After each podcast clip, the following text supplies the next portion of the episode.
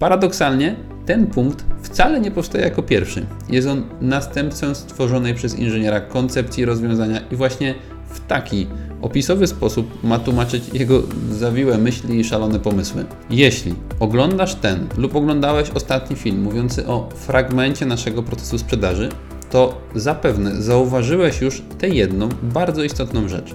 Nawet po przekazaniu klientowi takiego modelu nie da się tego użyć do wykonania tego typu części. Muszą być one uszczegółowione na etapie konstrukcyjnym i już w trakcie realizacji projektu.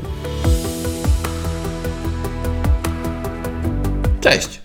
Witajcie na kanale Automatyzacja w Produkcji. Ja nazywam się Arkadiusz Piotrowiak. Jestem CEO firmy Nixal. Na swoim kanale omawiam zagadnienia związane właśnie z automatyzacją i robotyzacją produkcji w możliwie prosty i zrozumiały sposób. Zapraszam do subskrybowania kanału i oglądania lub słuchania dzisiejszego odcinka. W ostatnim odcinku było mocno inaczej. Zamiast uporządkowanych zdań i myśli na żywca omówiłem dla Was nasz proces przygotowania oferty. To, co jest najbrutalniejszą prawdą, jaka płynie z ostatniego odcinka, to że nie każdy, kto do nas napisze z prośbą o pomoc, jest obsługiwany w ten sam sposób. Nie każdy może liczyć na takie samo zaangażowanie z naszej strony i taką samą kompleksową opiekę. Dlaczego? Częściowo na to pytanie odpowiedział opis procesu przygotowania oferty, jaki Wam ostatnio opisałem. Kolejną część tej odpowiedzi poznacie dzisiaj. Ostatnio otrzymaliście odpowiedzi na takie pytania jak po czym poznajemy, że dany klient jest dla nas i możemy mu pomóc. Po drugie, kiedy klient będzie musiał zapłacić za przygotowanie dla niego koncepcji, a kiedy dostanie to za darmo. Po trzecie, jakie między innymi rozwiązania i produkty jesteśmy w stanie zaofertować od ręki. Po czwarte, jaka jest rola inżyniera w procesie dopasowywania rozwiązania dla klienta. I po piąte, jak wygląda proces decyzyjny, w którym te wszystkie decyzje są podejmowane. No. Jest fajnie. Fajniusio. Po koleżeńsku. Dziś z kolei opowiem Wam, co zawiera w sobie kompleksowa oferta na linię produkcyjną, stanowisko zrobotyzowane czy inne rozwiązanie ułatwiające pracę lub automatyzujące jakiś kawałek procesu. Zanim jednak o tym, to już ostatnia dygresja. Jeśli oglądasz ten lub oglądałeś ostatni film mówiący o fragmencie naszego procesu sprzedaży, to zapewne zauważyłeś już tę jedną bardzo istotną rzecz. A dziś będzie to jeszcze bardziej widoczne. Niezależnie od tego, czy mówimy o procesie sprzedaży, przygotowania oferty, czy jak dziś o zawartości samej oferty, w całym tym procesie jest tylko trochę sprzedaży i ogrom inżynieringu. Proporcje są tu całkowicie inne niż w większości rodzajów firm. Nasi doradcy nie są rozliczani z ilości wystawionych ofert, bo czasem przygotowanie jednej może trwać kilka tygodni, a nawet miesięcy. Jesteś swój chłop. No, tak się tylko mówi. Najczęściej też tak długo, jak w rozmowie po drugiej stronie nie pojawia się mój ulubiony dział zakupów, to rozwiązanie jest podstawowym wyróżnikiem oferty, a nie jego cena. Przy czym mówiąc o rozwiązaniu mam tu na myśli jego użyteczność, przekładającą się bezpośrednio na okres zwrotu. A o tym już mówiłem kilkukrotnie w poprzednich odcinkach, między innymi wtedy, gdy mówiłem o tym, jak obliczyć zwrot inwestycji. Dla zaciekawionych gdzieś tu zostawiam link do tego odcinka. Przejdźmy zatem w końcu do meritum. Co powinien otrzymać klient, aby ofertę na stanowisko zrobotyzowane można było uznać za kompletną? Więc tak, wszystko bardzo fajnie, ale termin strasznie napięty. Dlatego przywiozłem przyjaciół z Gali, jednego czarodzieja i dwóch mężnych wojów, którzy mi pomogą. Po pierwsze, mapa procesu. Mapa procesu jest efektem audytu prowadzonego u klienta przez doradcę i lub inżyniera. Ma ona najczęściej formę prostego grafu opisującego większy fragment lub całość procesu klienta, a przynajmniej taki jego zakres, który bezpośrednio wpływa na efektywność obszaru, który ma podlegać automatyzacji. Jest to narzędzie edukacyjne i komunikacyjne, które pomaga inwestorowi spojrzeć inaczej na swój proces i upewnić się, że wszystko zostało ujęte oraz zrozumieć propozycję, jej wpływ na jego działalność i korzyści płynące z wdrożenia systemu zrobotyzowanego lub jakiegokolwiek innego systemu automatyzującego pracę. Tak powstała mapa procesu pełni szereg istotnych funkcji w całym procesie. Po pierwsze, wizualizacja procesu. Umożliwia bowiem klientowi zobaczenie, jak automatyzacja wpłynie na jego obecne procesy biznesowe.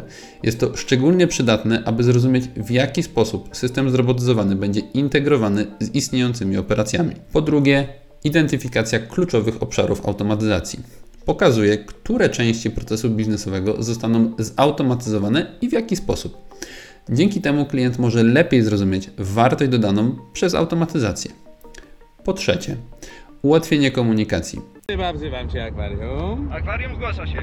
Mapa procesu stanowi narzędzie komunikacyjne między dostawcą a klientem, ułatwiając omawianie specyfikacji, oczekiwań oraz potencjalnych punktów dostosowania systemu.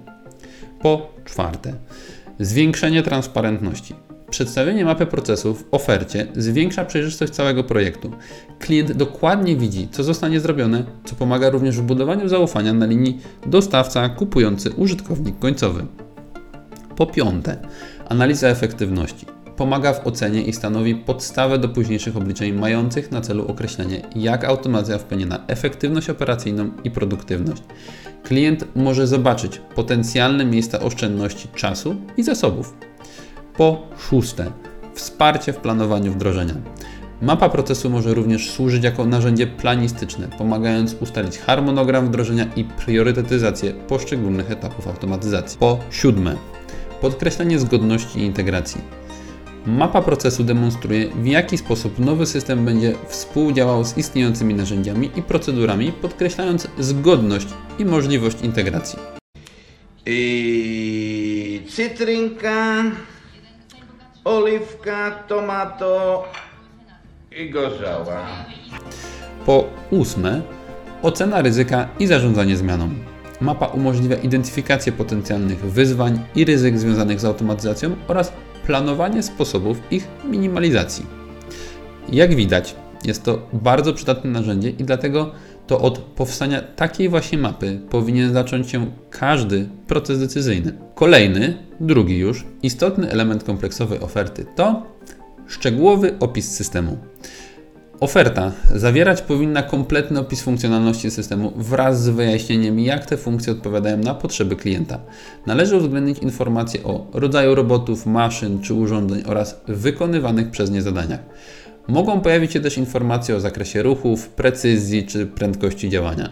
Paradoksalnie, ten punkt wcale nie powstaje jako pierwszy. Jest on następcą stworzonej przez inżyniera koncepcji rozwiązania i właśnie taki opisowy sposób ma tłumaczyć jego zawiłe myśli i szalone pomysły. Mam taką ideę.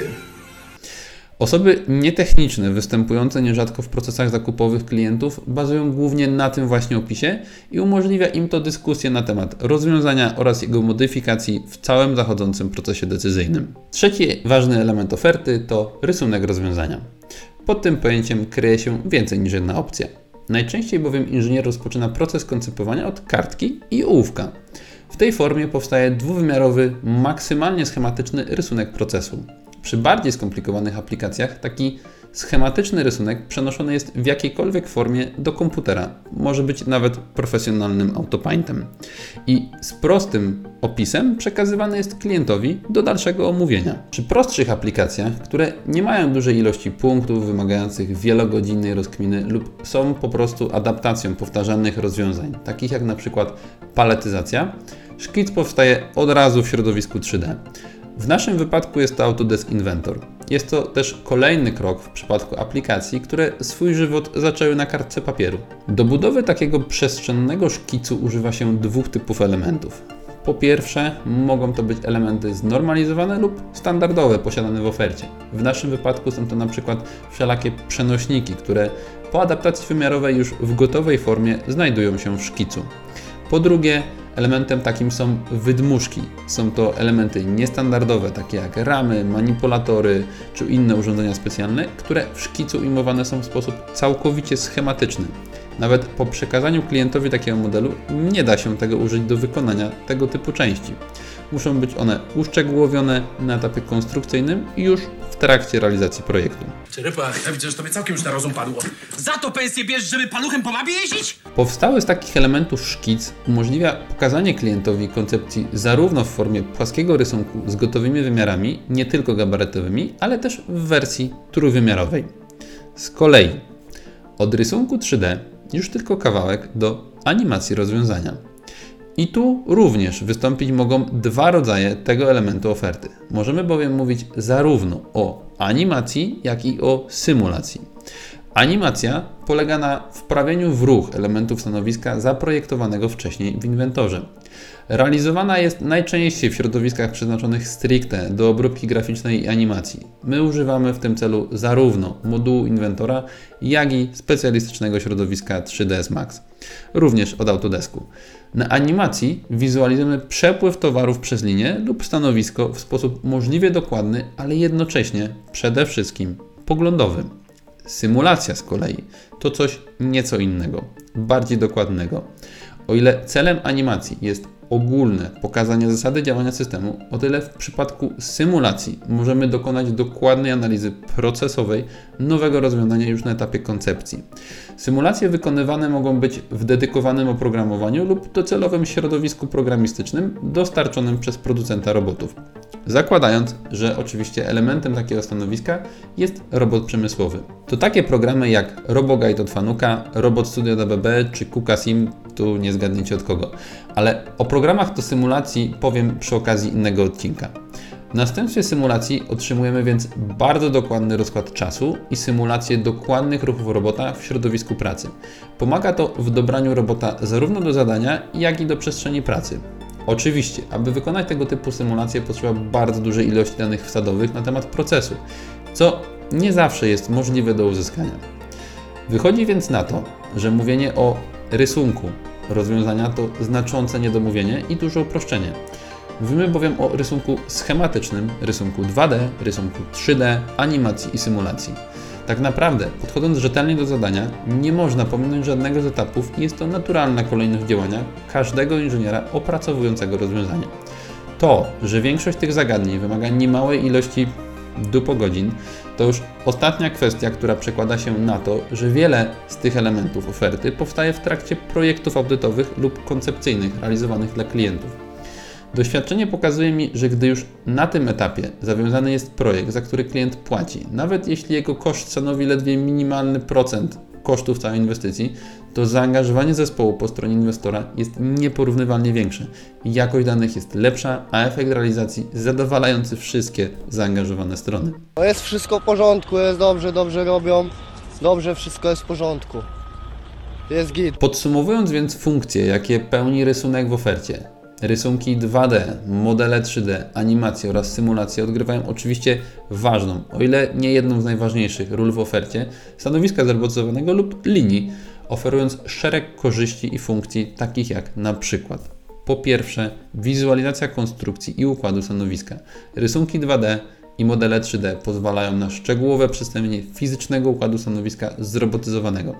Dzięki temu inwestor może zobaczyć rozmiar, kształt oraz sposób rozmieszczenia komponentów systemu w jego przestrzeni roboczej. Po drugie, rozumienie funkcjonalności i przepływu procesu. Modele i animacje pozwalają klientowi lepiej rozumieć, jak poszczególne części systemu współpracują ze sobą. Pokazują one przepływ pracy, ruch robota oraz interakcje z innymi elementami systemu. Po trzecie, prezentacja realistycznych scenariuszy pracy. Animacje i symulacje mogą przedstawiać rzeczywiste scenariusze pracy stanowiska, włącznie z symulacją pracy w różnych warunkach i z różnymi materiałami. Po czwarte, identyfikacja potencjalnych problemów i optymalizacja. Symulacje mogą być bowiem używane do identyfikacji potencjalnych problemów w pracy systemu, takich jak kolizje, nieefektywne ścieżki ruchu robota czy zagadnienia związane np. z ergonomią. Pozwalają one na optymalizację projektu przed jego faktycznym wdrożeniem. Po piąte, wsparcie w sprzedaży i marketingu. Oczywistym jest, że atrakcyjne wizualnie modele 3D i animacje mogą znacząco zwiększyć atrakcyjność oferty, pomagając jednocześnie klientowi wizualizować potencjalne rozwiązanie i zwiększając jego zaangażowanie w cały proces. Po szóste, ułatwienie komunikacji i wyjaśnień. Dzięki grafikom i animacjom trudne do wyjaśnienia koncepcje techniczne stają się bardziej zrozumiałe dla klientów, którzy nie posiadają specjalistycznej wiedzy technicznej. Po siódme, planowanie i weryfikacja przestrzenna. Modele 3D pozwalają na dokładne planowanie rozmieszczenia stanowiska w przestrzeni klienta, a także na weryfikację, czy wszystkie elementy zmieszczą się i będą funkcjonować w danej lokalizacji. Po ósme, Demonstracja zgodności z normami bezpieczeństwa. Choć może to być dość nieoczywiste zastosowanie, to symulacje mogą być używane do pokazania, jak system będzie przestrzegał norm bezpieczeństwa, na przykład poprzez demonstrację bezpiecznych odległości czy mechanizmów awaryjnych. Pomaga to też inżynierom zweryfikować już na tym etapie założenia dotyczące bezpieczeństwa właśnie. Po dziewiąte, planowanie montażu i serwisowania. Symulacje, animacje i rysunki mogą pomóc w planowaniu procesu instalacji oraz późniejszego serwisowania i konserwacji systemu. Szczególnie w sytuacji, w której ilość miejsca na hali jest niewystarczająco, a okresowo konieczne jest wykonanie przestojów serwisowych maszyn ościennych lub współpracujących. Dodatkowo, same tylko symulacje pozwalają na analizę ruchów robotów. Symulacja pokazuje, jak roboty będą się poruszać i pracować w przestrzeni, co pozwala zidentyfikować potencjalne problemy z kolizją, zasięgiem ruchu czy efektywnością ścieżek roboczych. Po drugie, optymalizacja procesów. Poprzez symulowanie różnych scenariuszy pracy można znaleźć najbardziej efektywne sposoby wykonywania zadań, co przekłada się na zwiększenie produktywności i zmniejszenie czasu cyklu. Po trzecie, analiza wydajności. Symulacja pozwala ocenić, jak szybko i efektywnie system może realizować zadane operacje, co jest kluczowe dla planowania produkcji. Po czwarte, integracja z innymi systemami. Symulacja umożliwia sprawdzenie, jak stanowisko zrobotyzowane będzie współdziałać z innymi elementami systemu produkcyjnego, np. taśmami transportowymi, sensorami, czujnikami czy innymi systemami kontrolnymi. Po piąte, zrozumienie obciążeń i zużycia energii. Symulacja daje możliwość oceny, jakie obciążenia będą występować na poszczególnych elementach systemu oraz jakie będzie zużycie energii podczas normalnej pracy. I to tyle na dziś. Stwierdziłem, że nie chcąc iść na niepotrzebne i niemerytoryczne skróty, tu urwę. Nie o to bowiem chodzi, aby ten odcinek trwał godzinę. Poruszyliśmy dziś trzy bardzo ważne kwestie: wizualizację i opis rozwiązania oraz mapę automatyzowanego procesu. Zakładam, że dzięki temu odcinkowi lepiej się dowiedzieliście, jak te elementy mogą Wam pomóc w wyborze rozwiązania i dlaczego bywają one często konieczne. Ale to oczywiście nie wszystko. To tylko koniec części pierwszej. Jeśli się Wam podobało, to wiecie co zrobić. Zostawcie łapkę w górę i zasubskrybujcie mój kanał na YouTubie, Spotify czy Apple Podcast, gdzie Wam wygodnie i gdzie aktualnie tego słuchacie. A tymczasem życzę Wam spokojnego tygodnia i do usłyszenia za tydzień. Cześć!